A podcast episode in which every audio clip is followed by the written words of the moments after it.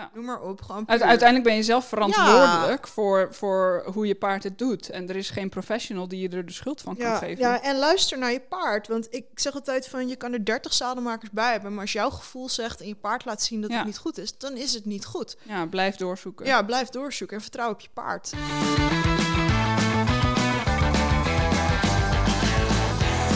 Leuk dat je luistert naar de paardenpodcast van Horse in Mind. Ik ben Rianne Dekker en in deze podcast hoor je toffe gesprekken met experts over het houden en trainen van paarden. Met al deze experts heb ik één ding gemeen en dat is dat we een wereld vol gezonde en gelukkige paarden willen.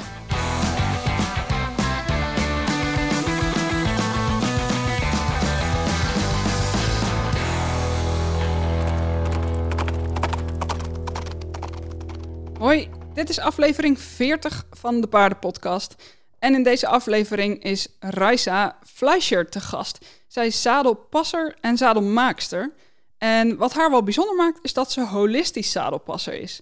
Dus ik ben natuurlijk wel heel erg benieuwd wat dat holistische dan inhoudt en hoe zij kijkt naar, eh, naar zadels, eh, paard en ruiter. En eh, ja, hoe, zij, hoe dan zo'n passessie in zijn werk gaat.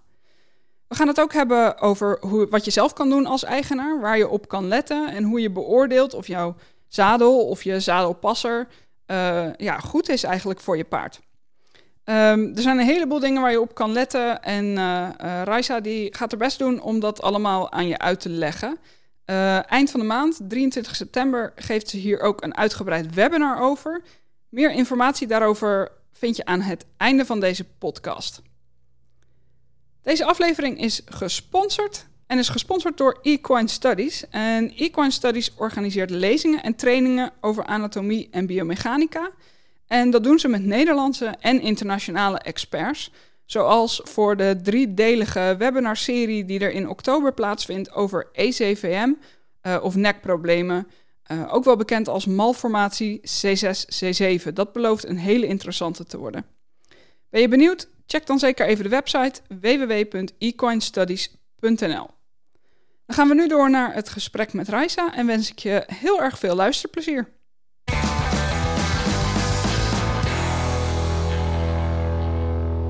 Ik ben Raisa Fleischer. Ik, eh, mijn bedrijf heet Zadellogisch. Ik ben holistisch zadelmaker en nou ik werk voltijd eh als zadelpasser. En ja, wat doe ik? Ik, eh, ik luister naar paarden. Ten aanzien van wat ze van zadels vinden. Ja, En eh, ik probeer goed te doen met zadels. ja. En zei holistisch zadelpasser. Ehm, wat, eh, wat, wat versta je daaronder? Ja, dat is een eh, bekende vraag. Nou, met holistisch, holi- ja, zeg maar holistisch bedoel ik dat ik naar meer kijk dan alleen de plek op de rug waar het zadel ligt. Holistisch gaat over, we altijd, body, mind en soul. Dus nou ja, het meest voor de hand liggende is de werking van het zadel op het hele biomechanische systeem, maar ook op het hele lichaam. Dan heb ik het over nou, de botten, de spieren, maar ook de vergeten lagen, zoals ik ze vaak noem, zoals de meridianen, de, het lymfesysteem, eh craniobanen, eh fascia's, noem maar op, want daar heeft een zadel allemaal een effect op. En ook de emoties van het paard en wat het, wat het met hem doet, eh, dat probeer ik mee te nemen in hoe ik werk. Vind je dat daar tot nu toe te weinig aandacht voor is door zadelpassers? Nou, ik heb een aantal hele goede reguliere collega's en ik, eh, ja, ik geloof in elkaar versterken en niet in, eh, ja, niet, niet in op een, op een overkritische blik naar elkaar kijken. Dus er zijn, er zijn, er zijn een hoop goede zadelmakers en zadelpassers in Nederland. Maar ja, mijn focus ligt anders, zou ik maar zeggen. Van, ik, ik ben heel erg Ja. bezig met, met wat het paard aangeeft.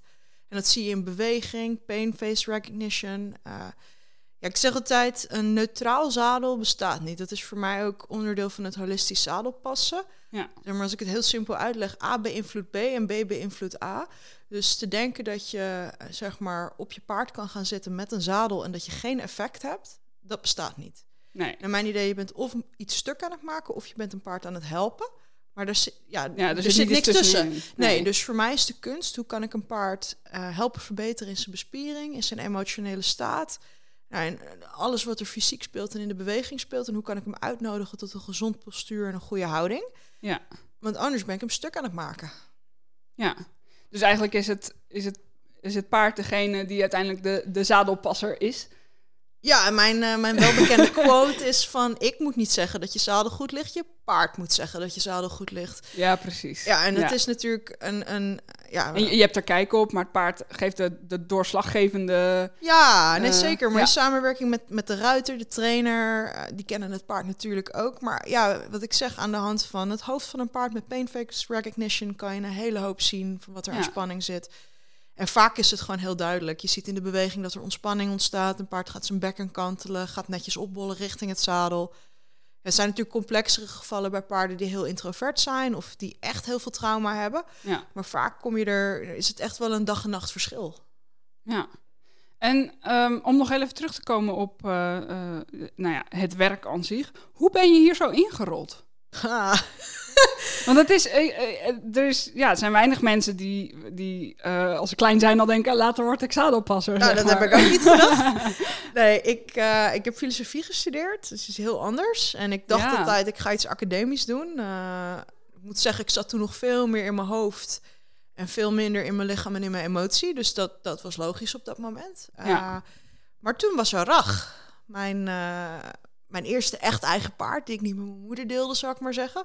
Ja. Dat was een, uh, een Lusitano-kruising. En ja, Rach was al... Een, ik had er gekocht met een sportambitie, maar bleek al een rescue te zijn toen ze bij me Mm, kwam. Ja, ik was ja. 16 toen ik er kocht, wat wist ik?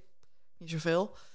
En uh, ja, Rach heeft eigenlijk alles anders gemaakt. Zowel in mijn hele benadering van het leven als in hoe ik naar paarden kijk. Maar ja, Rach had ook rugproblemen en uh, ze wou op een gegeven moment geen zadel meer op de rug. Ja. En toen ben je dus verder gaan zoeken. Ja, ja, kort samengevat, ik ben toen bij Thomas Nesper, een goede vriend van me, die holistisch dierenarts is uitgekomen. En zijn we drie, nou ja, zeker ruim twee jaar aan het revalideren geweest voordat ik er weer op mocht. En nou ja, Rach werd boos op het zadel. En daarvoor had ik het nooit zo herkend. Weet je, ieder paard doet lelijk met aansingelen. En uh, ja, wat, wat wist Ja. ik? Zadelmaker had toch gezegd dat het goed was. Ja. En met bareback pet reed ik er zo op weg. Zonder zadel reed ik er zo op weg. Het was echt een heftig paard. Maar dat, dat gaf gewoon nul spanning. En als ik het zadel erop legde, dan ging ik rodeo door de bak. Ja. En mijn dierenarts Thomas, die bleef zeggen van... Raisa, je paard is pijnvrij op dit punt. Het is echt het zadel. En nou ja, dan ga je zadelmarkers af. En uh, nou, op een gegeven moment had ik er denk een stuk of acht bij gehad. En allemaal zeiden ze van nou, of het zadel was goed. Of een ander zadel zou het dan zijn. En Rach, die bleef nee zeggen. Als ik met de zadel aankwam, werd ze al boos. En Berberpet ging erop en uh, we hadden een feestje. Ja. Dus ja, dat, dat deed me wel denken. Dat ik dacht van, nou, dat, dat- die Mary is me echt iets aan het vertellen. Want het, is, eh, dat, het was een paard met ego. Ze leeft helaas niet meer. Echt heftig. Maar goud eerlijk. Als het goed was, was het ook goed. Ja. In de training was het ook. Dat heeft me gewoon zoveel geleerd. ja, echt een leermeester zijn Ja, dat, hè? echt. Nee, dat, dat als ik zeg maar mezelf bekijk toen zeg maar 16, 18 was die leeftijd. Nou, we zeggen eigenlijk totdat, totdat ik met Thomas in aanraking kwam en echt door had wat er allemaal mis was met Rachi. Dan zie ik echt een ander mens. Want nou ja, ik had een wedstrijdambitie en ik ging het wel even maken. En Ja. weet je, ik, ik had het beste met mijn paarden voor hoor. Ik deed het uit een goed hart, maar ik had echt geen idee. En nou ja, Rach die, die, die knokte, die deed het gewoon niet. En nou ja, dan krijg je als puber, jongvolwassene, dan breek je ego wel. Ja, denk je shit. Ja, shit, weet je, hey, eh, dit paard dat kan ik niet vertellen wat ze moet doen. En Ja. eh, nou ja, dat heeft me enerzijds toen naar natural horsemanship geleid. Want Rach wou ook de trailer niet op, dus ik kon niet op wedstrijd. En Ja, precies. Ja, was ja, meer. ja. ja. nee, er was wel meer aan de hand. Maar dat heeft echt mijn ogen doen openen voor een hele hoop misstanden in de paardenwereld. Want Ja. ja, ze was al... Ze was al stuk toen ze bij me kwam, maar ik heb dat in de eerste jaren niet beter gemaakt. Zeker niet. Ja. En nou ja, zodoende, eh, ja, lang verhaal kort. Om even op het zadelpassen terug te komen voordat, we weer, voordat we de Rachi-podcast hebben. Nee, ik, ehm, ik ben toen naar Engeland gegaan, naar de eh, School of Celery in Cumbria van David May. Die is helaas met pensioen, maar eh, gewoon om te gaan kijken van hoe zit zo'n zadel in elkaar. Want vanuit mijn studie filosofie heb ik echt wel een drang nadat ik dingen moet doorgronden en wil weten hoe ze werken. En ik bleef erbij, maar een paard ligt niet. Ja. Is, ze zegt iets. Dus, nou ja, ik kon het niet uitzien. Ik heb met Berberpet gereden, geen probleem. Maar ik wou wel weten hoe dat werkte. Dus toen ben ik Ja. eerst eens gaan kijken van... Hey, technisch gezien, hoe werkt het nou? Leerbewerken, hoe maak je een zadel? Zadels opvullen, die hele technische kant. En toen was ik eigenlijk nog een steek verder. Behalve dat ik een goede vriendin van mij ontmoette, Sarah Jane. En nou, daar zat ik op, die werd, ze was daar voor een cursus. En we zaten toen s'avonds in de pub. En toen zei ze van, nou, je moet, je moet, je moet mijn tante ontmoeten. Die, die die denkt helemaal over paarden zoals jij en ze is zadelmaker. Nou ja, zo gezegd, zo gedaan. Toen ben ik bij Lavinia Mitchell terechtgekomen. En nou ja, heb ik een traineeship, apprenticeship bij Lavinia gedaan. En nou ja, wat ik daar, zeg maar, eigenlijk nam ze geen mensen aan en lastig. En Ja. ja, ik, uiteindelijk omdat ik Sarah kende, mocht ik een week meelopen. En eh dat is een nichtje. Het was super gezellig, maar ook wat ik daar zag was niet normaal. Ik zag, nou ja, ik zag paarden die geen zadel meer op hun rug wilden. En dan paste Lavinia iets aan en dan gingen ze weer. En het hele concept daarachter. En nou, het was alsof er een wereld voor me open ging. En toen ik echt zoiets van, waarom weet ik dit niet? En waarom... Ja. Want wa- wat was, er, wat was er anders dan de zadelpassers die je, die je daarvoor had gehad? Wat, wat deed ze anders? Nou, Lavinia die keek heel erg. En tot op de dag van vandaag werk ik ben een deel mijn eigen weg gegaan. Maar werk ik ook nog zo. Niet alleen naar wat je ziet op dat moment aan spieren, maar vooral ook wat je wil zien. Ja, Dus er is bij paarden een hele hoop schade. De welbekende kuilen achter de schouders, deuk Ja. in het lendengebied. ja Ja, ik dacht- asymmetrie. Asymmetrie, maar zeker die kuilen achter die schouders. Ik dacht dat dat normaal was. Rach had dat ook en al die paarden op stal hadden het. En ik had er nooit bij stilgestaan dat dat niet normaal was. En dat je dan ja, die diepe rugspier een hele hoop kapot maakt. En Lavinia, die, ja, ja, die, ging, eh, die ging bedenken van hoe kunnen we dat laten herstellen. En dan gingen er veel wijder zadelloppen. En dan een soort, soort werk pas ik ook nog wel toe. Eh, een pet bijvoorbeeld met inlagen, zodat die kuilen ingevuld raakten. Zodat er niet nog weer een zadel op die kuilen ging drukken. Ja. En nou, dan zag je paarden die gewoon geen zadel meer op hun rug wouden, die weer gingen lopen. En het verschil in beweging ook, wat je kon zien als zo'n paard helemaal vrij was onder een zadel. Ja, Ja, dus zeg maar na een dag was ik al verkocht, na twee consults was ik al verkocht. Eh, ja, Dus toen heb ik er echt gesmeekt of ze me op wou leiden, want ik had dit wil ik voor Rachi. En ja. Nou ja, een paar weken later op Rachi inderdaad de zadel gepast en dat ging goed. En toen ging er een soort van lichtje branden van, hé, hey, als mijn extreem uitgesproken Mary met een te groot ego dit fijn vindt en hier een probleem van maakt, dan zijn er waarschijnlijk een hele hoop paarden die in Ja. stilte leiden en veel subtielere signalen afgeven. ja. Dus zodoende... Ben je het ook gaan inzetten voor, Ja. eh, voor klanten? Ja, ja, ja, ja. dat begon heel, ja, op een hele kleine schaal. En eh, nou ja, dat is zich over de jaren uit gaan breiden. Kijk, tof. Ja, zeker. Ja. Ehm, nou ja, zo hebben veel mensen inderdaad een, een soort leerpaard waar ze eh, zoveel van leren dat eh, dat wat ze leren uiteindelijk hun beroep wordt. En ehm, eh, het, het, het leuke daarvan vind ik altijd dat de meeste van die mensen, en ik gok dat jij er ook onder valt, dat ze nooit echt uitgeleerd zijn. Het is altijd met zo'n, met de, met de attitude van blijven leren, blijven kijken, blijven luisteren eh, en steeds verder verbeteren. Ja, zeker weten.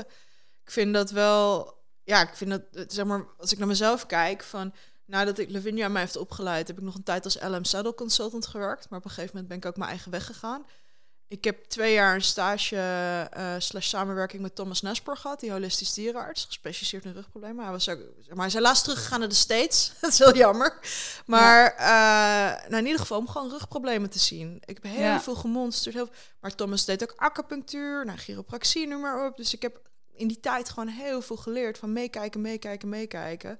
Ja, En nou, dat, toen kwam ik ook alweer op andere ideeën en eh, dan ontdek je andere dingen. Nou ja, dus zodoende. Ik vind dat, ja, ik vind dat wel centraal staan. Van dat je blijft verdiepen en blijft kijken naar wat er nog beter kan. Ja. En soms kom je ook tot de conclusie, wat ik toen deed was niet optimaal. Ja. Of dat had ik anders moeten doen, of dat klopt niet. En ja dat, dat hoort ook een beetje bij leercurve, denk ik. hè? ja, ja, en, maar nog steeds hoor. Ik vind dat toch wel, eh, ik vind dat toch wel als professional verplichting om te blijven kijken naar je eigen handelen en te blijven kijken waar je kan verbeteren en ook op de hoogte te blijven van onderzoeken en open Ja. te blijven staan. En ehm, als we dan even kijken naar de praktijk, hoe, hoe gaat zo'n passessie in zijn werk? Nou, ik kom te laat. nee, ja. Was nu netjes op tijd. Ja, dat is inderdaad. Nee, ik, eh, ik neem altijd ruim de tijd. Daardoor kom ik wel eens te laat. En eh, ja, weet je, ik, een eerste consult duurt anderhalf uur, maar soms loopt het uit. Dus druk op de weg. Maar in ieder geval, dus ik kom te laat. Dan kom ik aan. Ehm, nou, dan begin ik altijd natuurlijk nadat ik even kennis heb gemaakt met de eigenaar, met kennis maken met het paard. Je zou mij heel vaak gewoon even in rust bij het paard zien staan, dat het paard even kan wennen aan mijn aanwezigheid. Dat ik even een idee krijg van, hé, hey, eh, met wie heb ik te maken? Nou, ik Ja. vind het echt ik vind het respect voor het paard dat je je even voorstelt voordat je aan zijn lijf gaat zitten. Ja. Ja, en dan ga ik in eerste instantie, als we eenmaal een beetje op dezelfde frequentie zitten en allemaal een beetje geland zijn, dan ga ik rustig de rug bekijken. Want een rug vertelt mij vaak al heel veel over wat er met het zadel gebeurt en wat er vervolgens eh, in beweging gaat gebeuren. Het is nog eigenlijk weer een ander verhaal, want in beweging komt er nog weer veel meer informatie Ja, bij. ja. Maar wat er aan schade van een zadel is, of de grootste problemen, die haal ik er wel vaak uit door gewoon de rug te analyseren. Ja. Is vaak wel grappig, want dan, eh, nou ja, dan zeg ik, oh, gebeurt dit of dat? En dan heeft iedereen zoiets van, nou, je, je hebt hem nog niet eens zien lopen. Ja. Maar die ruggen vertellen echt een hele hoop. Ja. En het paard ook wel eh, aan de hand van hoe je hem benadert. Je ziet welke plekken in het lichaam fijn zijn, welke niet. Dat, dat geeft gewoon een hele hoop informatie. ja. En dan ga ik vaak los van het paard het zadel bekijken. Moet ik ook eerlijk bij zeggen, als ik, de, als ik een perfect bespierde rug tegenkom waar niks mis is, dan hoef ik het zadel al bijna niet meer te zien. Ja, dan weet je dat het gereden, oké ja, als er veel mee gereden wordt, dan weet je dat het oké is. Dus dat doe ik Ja. ook om mezelf scherp te houden. Want soms, nou het is uitzonderlijk, maar ik, ik kom wel eens ruggen tegen die er fantastisch uitzien. En dan denk ik het zadel en dan vraag ik me af, hoe kan dat? Maar ja, weet je, wie ben ik? Als paard er blij mee is en er goed uitziet, eh, ja, Ja, dan, dan, dan eh, soms kan ik nog details veranderen of tweaken. Maar ja, ja, dan is het in, in de basis is het goed.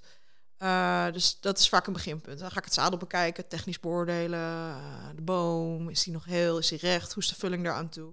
ja, Aantal, een designanalyse, want soms ongeacht het paard waar die op ligt... zijn er designaspecten aan zadels die onhandig of onlogisch zijn. ja. En nou ja, dan ga ik de combinatie bekijken. Ja. En dan wordt Want, want wat is de invloed van de ruiter? de invloed van de ruiter.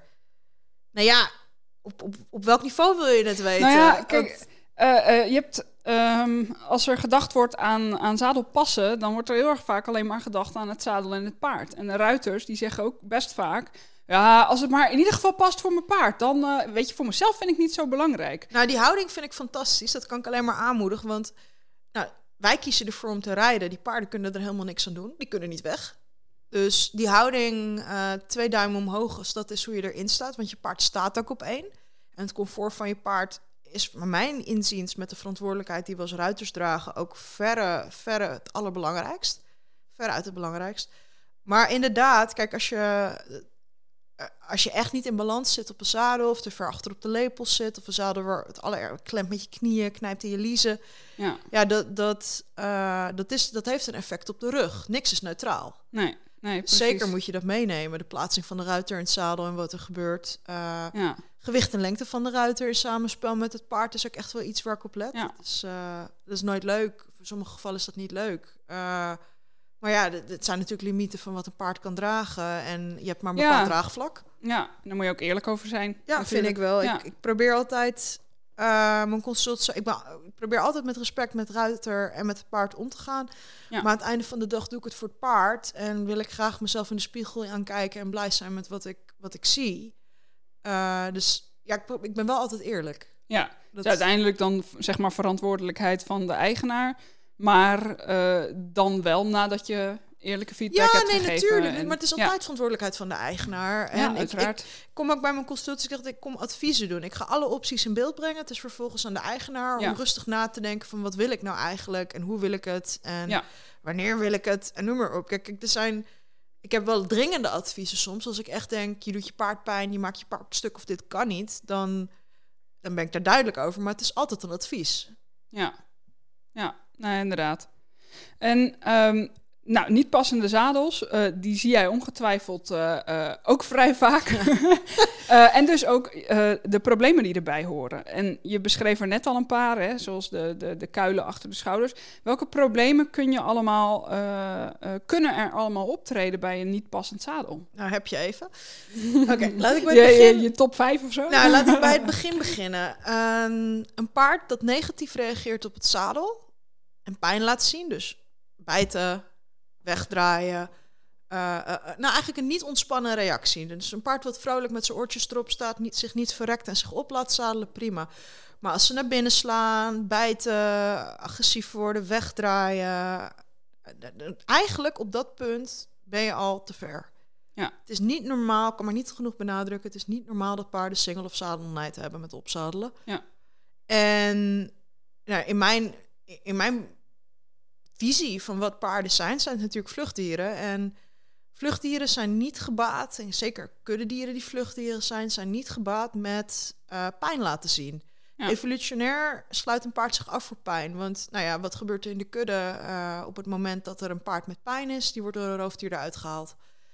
dus op het punt, zelfs bij onze domestische paarden, als ze pijn laten zien, dan ben je eigenlijk al tien stappen te ver. Ja. Dat, is, maakt, dat maakt dat we erop kunnen rijden, want het zijn hele harde, wel, welwillende, pleasende dieren. Maar ja, dat, dat neemt wel, als ik bijvoorbeeld op plekken kom waar ze gezegd wordt, oh, maar dat doet hij al tien jaar, zodat hij zo lelijk doet naar het zadel. Ja. Ja, dat is heftig. Uh, maar ook Ja. kleine subtiele dingen, als ze pijn laten zien, dan, ja, dan neem dat serieus. En ja, het kan aan van alles liggen, maar ik denk wel dat we een verplichting hebben als ruiters en als paardeneigenaar om dat uit te zoeken. Want Ja, ja, ze doen dat niet voor niets. Dus dat is, dat is het eerste punt. Dat ik denk, eh, ja, pijn, dus zeg maar sadelnijd, singelnijd, niet normaal. Ja. Ook niet een beetje. eh, ik bedoel, Je, je moet het gewoon onderzoeken. Natuur- als ja, precies, precies, precies. En, en ja, weet je, misschien is het niet het zadel, maar je techniek van trainen. Of heeft een paard een blessure en ergens pijn. Maar Ja, ja, maagsferen. maagsferen, noem maar op. Maar er zit, er zit toch wel een verplichting om dat serieus te nemen, vind ik. Ja, Ehm, absoluut. Daar ben ik wel heel stellig in. Ja. Eh, het moet voor, weet je, nogmaals, wij willen erop rijden. Die paarden kiezen daar niet voor. Dus het is onze verantwoordelijkheid om te zorgen dat het op een fijne en een aangename manier voor het paard gebeurt. Ja. Eh, ja, en, en, dus dat is een punt. Nou, de kuil achter de schouders, dus die artrofie aan de trapeziusspier en de diepe rugspier. Dat komt door zadels die vaak te smal gepast zijn en knijpen. Of Ja. soms te wijd en daardoor drukken. Eh, nog iets wat ik heel veel zie is aan de eh, spinale spier. Die zich hecht. Eh, dat is de spier die verantwoordelijk is. Beetje lastig zonder beeld om dat uit te leggen, maar ik ga het toch proberen. Dat is de spier die verantwoordelijk is voor het liften van de schoft en het dalen van de hals. Die hecht zich aan aan de laatste paar schoftwervels. Daar zit vaak zwelling op de aanhechtingen. Oh ja. Dan zie je een bult, eh, dat is subtiel hoor. Dat, dat- dan zie je inderdaad zwelling naast de schoft. Zit er toch een soort bultje van de overgang van de schoft naar de spieren. Die komt veel voor. Ehm deuken in het lendengebied. Dus dat een paard een heel bol lendengebied heeft. En dat je eigenlijk een beetje een afdruk van de kussens ziet. Ja. Dat komt veel voor. Ah, Wat zie ik nog meer veel? Praktisch gezien dat heel veel zadels lateraal, zoals we dat noemen, schuiven. Dus links-rechts. Ja. Ehm, ja, dus er zijn, er zijn heel veel dingen. Eh, paarden die niet hals willen strekken. Of die juist alleen maar hals willen strekken. Dat klinkt... Ja. Ja, hoe leg je dat uit? Als ik, als ik aan zo'n paard fijn onder zijn zadel beweeg... Dan, dan wil die hals strekken en over zijn rug lopen. Dus met zijn rug naar het zadel toe bollen. Dus dan is het een kwestie dat de hals daalt en het bekken aangespannen blijft. Dus wat ze vroeger in de dressuur onder het pijl en boog noemden, zou ik maar zeggen. Of dat klopt, dat laten we Ja. even in het midden. Maar dus dat de billen aangespannen zijn en de hals zakt tegelijk. Dus dan krijg Ja. je een bolling in de rug. Een paard dat alleen maar zijn hals laat zakken en zijn billen naar achter duwt, die, die gaat ook weer weg van het zadel. Dus zeg maar die opbolling naar het zadel is ook echt een belangrijke. En dat je daar niet een hele tijd voor hoeft te rijden. Ja. Zeg maar, oh ja, ook nog iets, eh, spanning met opstappen. Ja. Vaak ook een dingetje. Dus ja, het kan, het kan subtiel zijn, maar vaak is het niet zo subtiel, zou ik maar zeggen. Vaak is het gewenning van de ruiter dat ze denken, oh ja, maar dat doet hij altijd. Maar ja, als je Ja. er heel eerlijk naar kijkt, eh, is het dan toch vaak iets aan de hand. Ja, precies. Dus eigenlijk met alle, eh, ehm, nou ja, ik wil niet zeggen trainingsgerelateerde eh, eh, gedragingen zeg maar, van je paard, maar ook, eh, vooral ook met het, met het opzadelen, opstappen en andere dingen waarvan je, waar je bedenkingen bij hebt, doe je er eigenlijk goed aan om in ieder geval je zadel te, te checken of laten checken, om er zeker van te zijn dat daar het probleem niet ligt. Nou ja, de fijnste volgorde, als je mij... perfecte wereld, Reisa budget is geen issue. Dan zeg ik tandarts, therapeut, zadelmaker. En waarom die volgorde? Nou ja, tandarts, om in het begin als er iets mis is in die tanden, heeft dat op het hele lijf een effect. Blokkades in de kaken, blokkades in, in, de eerste, in het atlasgewricht, dat kan weer een effect hebben op de rug, noem maar op.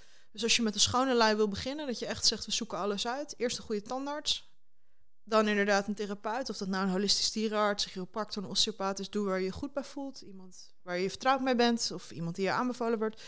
En als die therapeut dan zegt, je mag er weer op, uh, misschien is het na één behandeling, misschien moet er meer gebeuren. Voordat je weer gaat rijden, vraag dan de zadelmaker. Ja. Dan kan je gewoon echt met een, met een frisse start beginnen. Ja, precies. Ik kom ook wel eens bij paarden waarvan ik zeg, daar moet je nu gewoon niet op rijden. Ja, dat is zonde van je consult. Ja. Terwijl dat, dat kan je uitsluiten door op die manier stap voor stap eigenlijk alles uit te sluiten. Ja, inderdaad. Um, nou zijn er best veel uh, ruiters uh, ja, op zoek naar een goede zadelpasser. En er zijn nogal veel zadelpassers uh, in Nederland.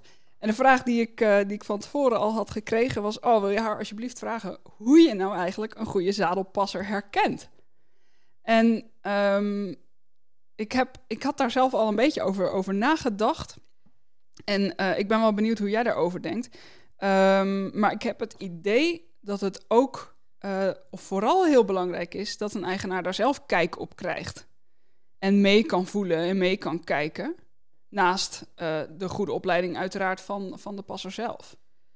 Ja. Maar dat, dat stukje kennis bij de eigenaar, dat, dat ontbreekt zo vaak. Ja, maar dat, dat, dat had ik ook hoor. Want nou ja, wat ik zeg, zo ben ik begonnen door. Ja. Maar ook van, ik had ervoor nog nooit een zadel open gezien. Ik had echt geen idee. Ja. Weet je, zadelmaker zei dat het goed was. Ja, dan, nou, dan moest het het wel zo goed zijn. Ja. Ja, ja, ja. Nee, zeker. Maar dat vind ik ten aanzien van ieder onderwerp. Dat je een Ja, naar mijn idee ook weer om welzijn van je paard de verplichting hebt om je in ieder geval tot een basisniveau je ergens zelf in te verdiepen. Ja. Je- Ik, ik probeer natuurlijk als professional ga ik een stap verder, maar als paardeneigenaar zijn, ik verdiep me ook in voeding, ik verdiep me ook in hoeven, ja. noem maar op. Gewoon Uite- uiteindelijk ben je zelf verantwoordelijk voor, voor hoe je paard het doet. En er is geen professional die je er de schuld van kan geven. ja, en luister naar je paard. Want ik zeg altijd van, je kan er 30 zadelmakers bij hebben, maar als jouw gevoel zegt en je paard laat zien dat Ja. het niet goed is, dan is het niet goed. Ja, blijf doorzoeken. Ja, blijf doorzoeken en vertrouw op je paard. Ja. Ehm, en op jezelf. Want ik zeg altijd van... Nou, ik heb natuurlijk... Kom bij heel veel mensen en ze van ja, ja, eh, natuurlijk die paarden veranderen. Hè. Je gaat spieren erbij krijgen, er verandert dat van alles in zo'n lichaam.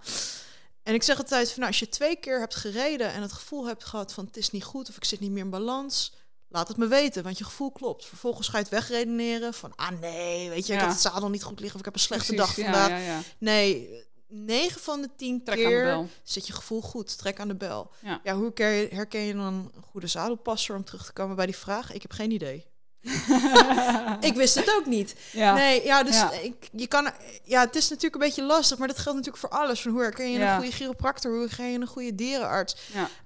Ehm, Ik denk het beste dat je kan doen eigenlijk is eh, eh, meekijken met stalgenootjes als er een zadelpasser is. Je, dat je een, een gevoel ook eh, erbij hebt bij iemand. Dat je een beetje weet voor jezelf van nou, dit, dit, dit past bij mij of dit past bij ons. Eh, stel vragen, weet je wel, achteraf. Niet tijdens het consult van je, pasgeno- van je stalgenootje natuurlijk.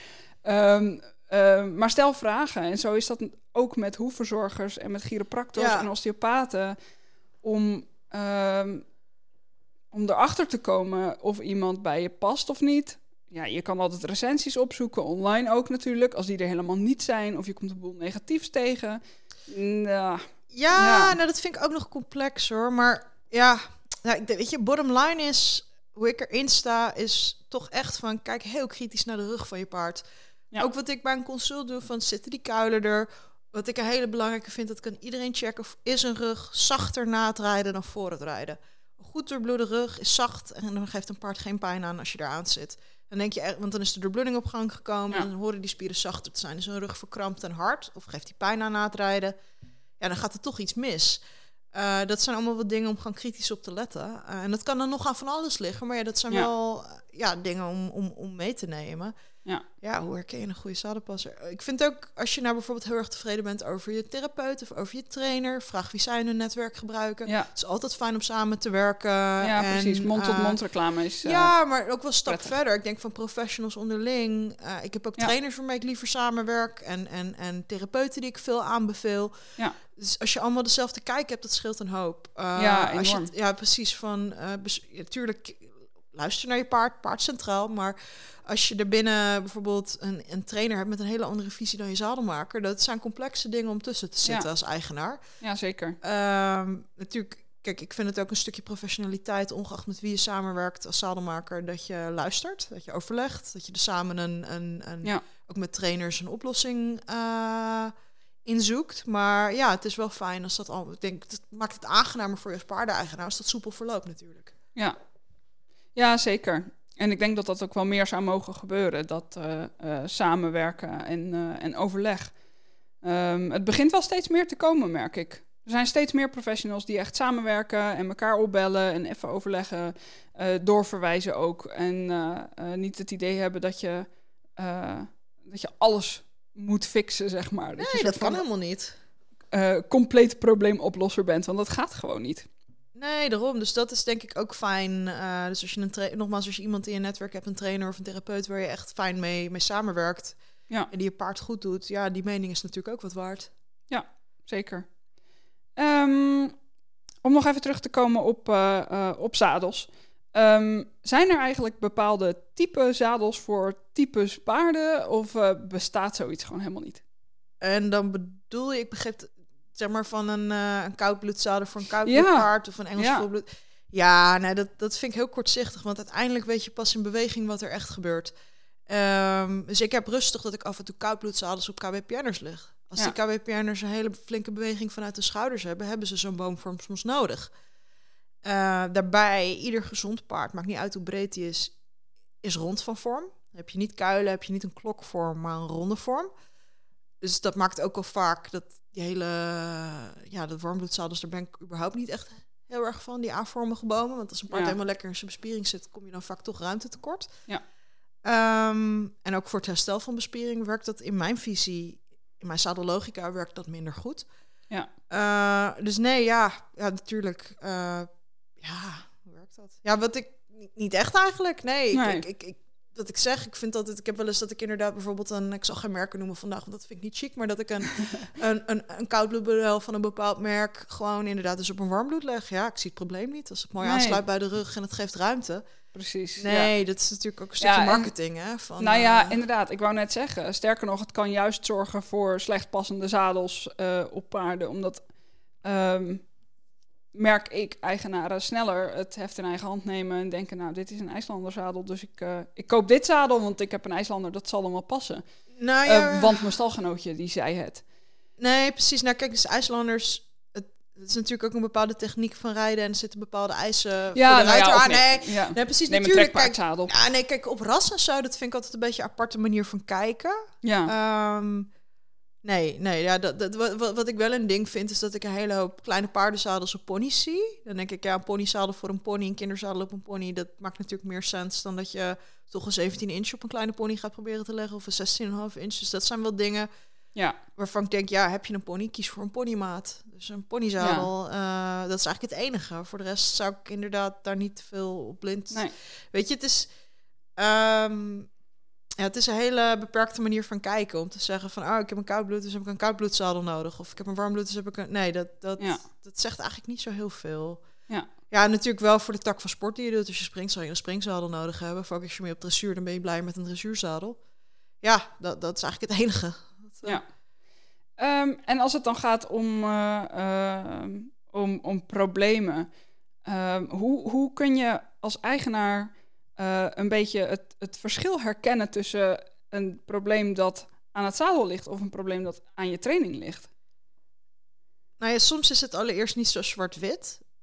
Het zijn natuurlijk ook combinaties. Eh, Ja. Ik kom maar heel zelden tegen dat het één probleem is. Dat is fijn als het zadel is, want dan kan ik het oplossen en dan zijn we klaar. Maar ja, het is natuurlijk, het is natuurlijk een scala aan dingen vaak. Ja, weet je, voeding, hoeven, training, therapie. eh, Ja. ja. dus helaas is het zelden een instant cure. Maar ik laat ruiters, maakt niet uit. Ik heb ze op Grand Prix niveau. Ik heb ze die nog geen jaar rijden. Ik laat iedereen aan een lange teugel rijden. Ik Ja. wil zien wat komt er, wat ontstaat er in de verbinding. Ja, Eh, wa- wat laat het paard zien als je hem niet stuurt. ja, Eh, ik ik altijd heel dringend verzoek. Ik ben er sowieso niet van, maar consults met hulpteugels werkt niet. Ik moet, het, Nee. ik moet echt het gedrag van het paard zien zoals het bedoeld is. Ja, dus dat, dat, dat zijn complexe dingen. Maar dat is wel iets wat ik op die manier probeer te doen. Ik wil heel graag zien wat het paard, zonder dat hij geholpen wordt of gedwongen wordt, wat hij laat zien met het zadel. Dat vind Ja. ik altijd wel een hele interessante. Als ik een hele hoop protest zie staan in de aanleuning, is het inderdaad wel eens een trainingskwestie of een tandenkwestie. Of, eh, ja, het, is wel heel, het zijn wel grappige dingen inderdaad. Als een ruiter zijn teugels loslaat, dat een paard prima gaat onder het zadel. En zodra die ze oppakt, ja, dat, dat zegt wel iets. Dan zit je vaak toch meer aan de trainingskant van dingen. ja, Dat komt voor.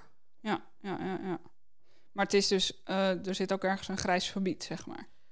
Ja, natuurlijk. Kijk, als een paard niet, niet in staat is om zijn rug goed te gebruiken door de techniek van trainen of doordat er iets mis is. Ik zeg een paard wat, ehm, wat, niet, wat, wat echt een bewegingsbeperking heeft in het bekken, wat niet kan opbollen en wat met een holle rug loopt. Ja, je moet je afvragen of je daar wel op moet gaan zitten. Of dat je dan toch eerst aan de trainingskant van dingen zit.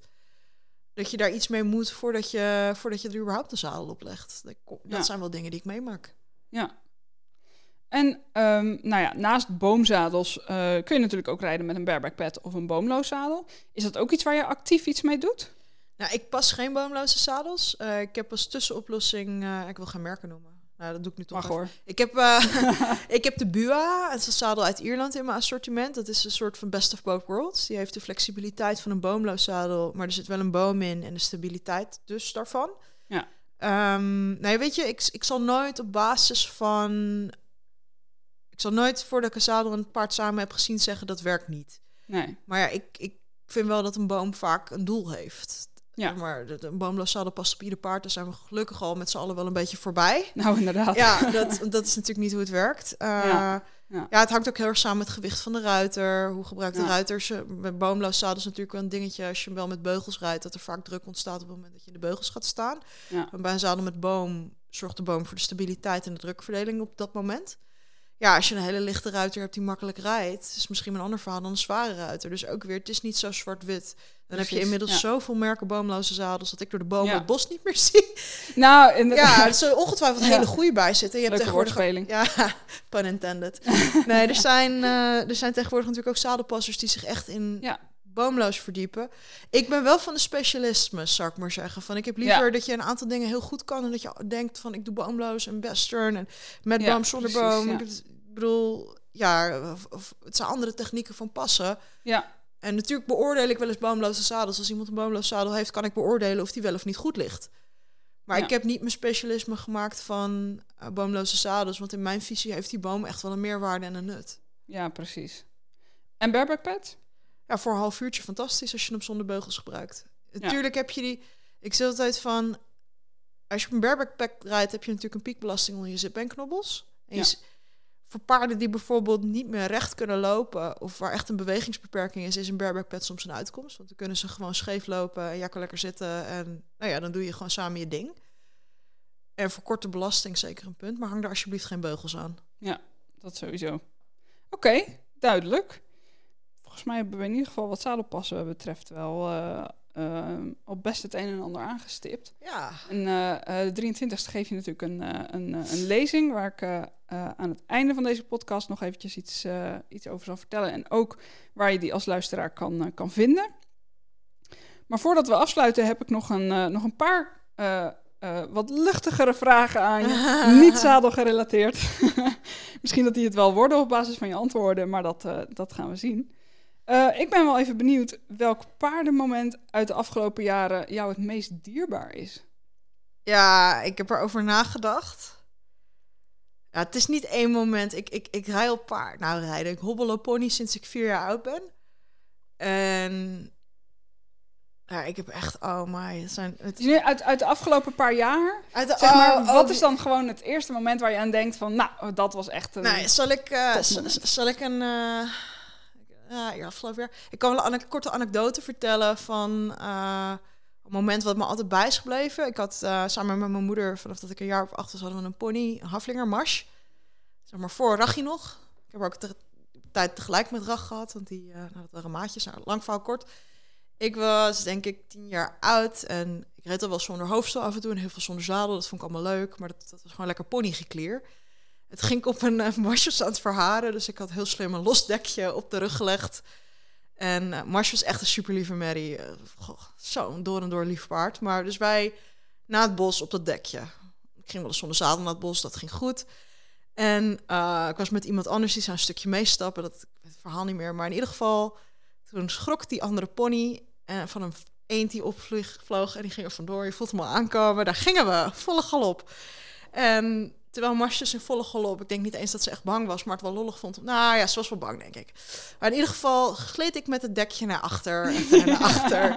En het zal me altijd Lekker glad over die losse ja, haren. Ja, ja, ja, nou ja, hartstikke leuk. Maar Mars, die ging dus een soort bokken geven, zodat ik bleef zitten. Ja. En nou, dat was echt wel een van die momenten dat ik me als kind al realiseerde hoe bijzonder die dieren zijn. Van dat ze de moeite deed om te zorgen dat ze me onderweg niet verloor. Want daar kwam het Ja. eigenlijk op neer. Met Ja. Wat oud zou ik zeggen, geweest een jaar of negen. Maar dat het zulke welwillende, zachte, lieve dieren zijn. eh, Dat, dat, dat ze zich gewoon echt bewust van zijn van dat ze je geen pijn willen doen. En nou weet je, die pony, wat wist ik nou? Die pony die, die omzeilde allerlei gevaar met mij op die manier. Maar toch wel toen al de realisatie van het zijn echt hele bijzondere dieren. Die in essentie allemaal heel welwillend zijn. En echt het beste met Ja. je voor hebben. Ja. dus al die momenten, alle momenten die ik verder kan bedenken met al mijn andere paarden die er in de jaren zijn gevoeld. Het gaat allemaal om die connectie. Van, eh, dat het zulke geweldige, zachte, fijne dieren zijn. Ja, en dat, dat, dat het gewoon heel bijzonder is als je daar dat contact mee mag hebben. Ja, ja, helemaal met je eens. Wat had je graag tien jaar eerder geweten? Alles. Als je Nee. één ding uit moet kiezen, Nee, ehm, ten aanzien van trainen en zadels en rugproblemen. Nou ja, het, zeg maar, dat is voor mij wel... Ik denk, Rach, die, wat ik net al vertelde, die kwam... Ik was toen 16 toen ik er kocht. Die kwam echt als een probleempaard bij me. Wist ik niet, maar dat terzijde. Ehm, en ik denk dat ik de eerste paar jaar niet de positieve bijdrage ben geweest. Om nog weer even terug te komen op dat je bent positief of je bent negatief neutraal bestaat niet. Ik was negatief. Met de beste intenties en de beste bedoelingen. Maar ik heb dat paard echt niet geholpen. En waarschijnlijk wel verder stuk gemaakt. Doordat ik niks over zadels wist, doordat ik niks over trainen wist. En ik denk, ja, ik heb vervolgens de rest van Rachi's tijd geprobeerd dat goed te maken uit een verantwoordelijkheidsgevoel. En Ja. ja, maar met alles wat ik kon. Uh, maar in ieder geval, ik denk dat het een heel ander paard was geweest als ik er nu had gehad. Uh, ja. Het gaat eigenlijk voor allemaal paarden van. Natuurlijk, weet je, je probeert altijd met de kennis van nu weer het beste te doen. Maar bij Rach denk ik echt van. Ja, als ik had geweten wat ik nu had geweten, dan was dat heel anders gelopen. Ja. Ja. Soms verdrietig om aan terug te denken dan ook. Nou, maar ja, ik denk. Ik kom natuurlijk of is het vooral gewoon de realisatie nou, van, joh, wat heb ik veel geleerd Tuurlijk is verdrietig, want je wil je paard het beste geven. Ik ga ervan uit dat iedere paardeneigenaar het beste met zijn paard voor heeft. Maar ik vertel dit verhaal ook vaak van... als je ook met zadels of met iets anders het idee hebt gehad... van ik heb dat echt verkeerd gedaan. Ja, natuurlijk mag je er verdrietig over zijn. Voel dat verdriet, maar maak er vooral iets positiefs van. Maar ik Ja. ben daardoor zadel gaan maken en ik ben Spread paarden... the word. Ja. Ja, spread the word en, en, en uh, leer ervan. Ik, ik, heb moeite met mensen die dat soort dingen doormaken of die iets kapot maken bij een paard uh, en die gewoon doorgaan op dezelfde weg. Ik denk als je die, dat verdriet en, en nou, die kennis meeneemt en je gaat op zoek naar iets beters en je volgende paard heeft een beter leven of je verbetert het nog voor het paard wat je dan hebt. Ja, dan Ja. wordt het iets moois. Dus weet je, ik heb het echt heel erg verkeerd gedaan. Ik herken mezelf niet meer zoals ik toen was. Maar echt een ander mens, nu durf ik wel te zeggen. Maar in ieder geval, de, laat, laat, laat het in iets moois veranderen. En Ja. en, ja dat, dan denk ik dat, dat dat het allemaal waard is uiteindelijk. Maar dat, Ja. eh, dat vind ik wel belangrijk. Laatste vraag. Heb je een, eh, of eigenlijk één na laatste, heb je een voor, voorbeeld of rolmodel? Ja, ja, dat is wel lastig. Ik ben echt een gezegend mens, want een aantal van de mensen, een aantal van, nou ja, role models, zou ik maar zeggen, heb ik heel dichtbij. Eh, ik heb als dressuurtrainer Paula Osterholt, dat is ook jurylid. Is- het is een trainer sinds ik zes jaar oud ben. En ik heb zo verschrikkelijk veel van haar geleerd over biomechanica, over rijden, over zachtheid naar paarden, over hoe het werkt met paarden. Dus Paula is er echt wel eentje van. Ik zie haar echt wel als mijn mentor. Eh, ik ben heel erg dankbaar dat ik veel naar de clinics van Buck Brannaman kan. Dat is een horsemanship trainer. Dat is ook eigenlijk één op één in lijn met die klassieke dressuur, met wat hij doet. Maar dat is ook een heel inspirerend mens, vind ik. Eh, ja, dat is eigenlijk binnen de paarden wel. Ik ja, geluk Ja. gehad dat ik die Paula natuurlijk heel dichtbij en Buck redelijk dichtbij heb mee kunnen maken. Dus dat zijn Ja, wel dingen ja, waar Wat, wat, zou, wat zou je Buck nog, eh, nog willen vragen als je de kans kreeg? Ik heb hem al heel veel gevraagd, dus dat tijdens Ja, clinics, ja, ja. dat is fijn. Nee. Is er nog iemand die, eh, die je graag een, een, een vraag zou willen stellen als je de kans kreeg? Oh, wauw. Ehm, eh, moet ik even denken. Zou ik graag wat ten aanzien van paarden. En met het internet is eigenlijk iedereen zo dichtbij dat ik altijd wel Jawel, brutaal hè? ben en vragen stel. Dat, eh, ja, maar als we in Ray Hunt, die leeft natuurlijk niet meer. Dat is wel iemand waar ik heel graag meer van had willen zien. Eh, toen hij nog leefde, was ik nog niet op het punt dat ik er iets van begreep.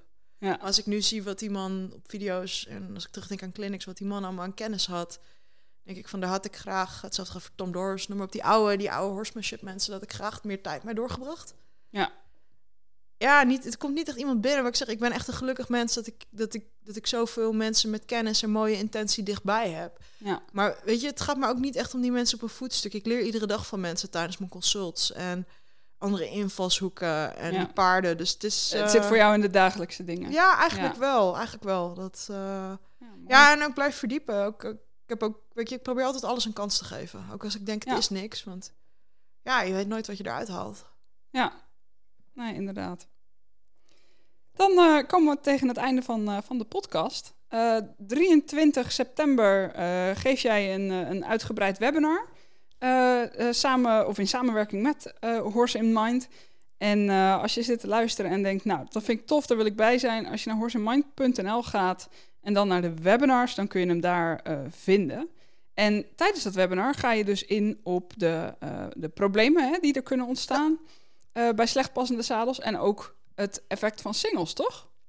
Ja, dat is wel grappig. Van, uh, dat is iets waar ik de afgelopen jaren heel erg mee bezig ben geweest. Het, ook weer holistisch, maar die rug, de rugspieren van een paard en het bekken werkt samen met de buikspieren van het paard, net als bij een mens. Gaat voor een heel groot deel om core stability, om een goede houding te kunnen hebben. En daar heeft de single ook weer een effect op. Ah, ja. het borstbeen, dus die hele onderkant van het lijf, zou ik maar zeggen, is ook heel interessant. Ja, ja precies. Uh, ja, het zal uh, een flinke dosis aan anatomie zijn. Van, en vervolgens ook de biomechanica van hoe loopt een paard. En dan kijk ik graag met jullie naar het effect van het zadel en de single. Ja, dus eigenlijk als je als eigenaar meer wil weten over uh, wat voor effect een zadel nou heeft op een, op een rug, een goed of een slecht passend zadel en single, ja, dan is dit webinar uh, nou wel iets waar je bij moet zijn, denk ik. Ja, we gaan ook een stukje mythbusting doen. Hè, van wat, wat klopt er nou van wat er gezegd wordt. Want er gaat natuurlijk een hele hoop verhalen de ronde in paardenland. Nou ja, een hoop daarvan kan ik verklaren aan de hand van onderzoeken. Van, aan de hand van hoe een paard in elkaar zit. En nou ja, dat, ik hoop dat iedereen die deelneemt... dan vervolgens in staat is om toch wel uh, beter te kunnen beoordelen... hoe je eigen zadel ligt. Dus uh, op horsemind.nl en dan naar de webinars, daar vind je hem. Hij is op 23 september om 8 uur s avonds. Uh, en een ticket is, is 17,50. Dus leuk als je erbij bent. Dankjewel voor het, voor het gesprek, Raisa. Dankjewel dat ik hier mocht zijn.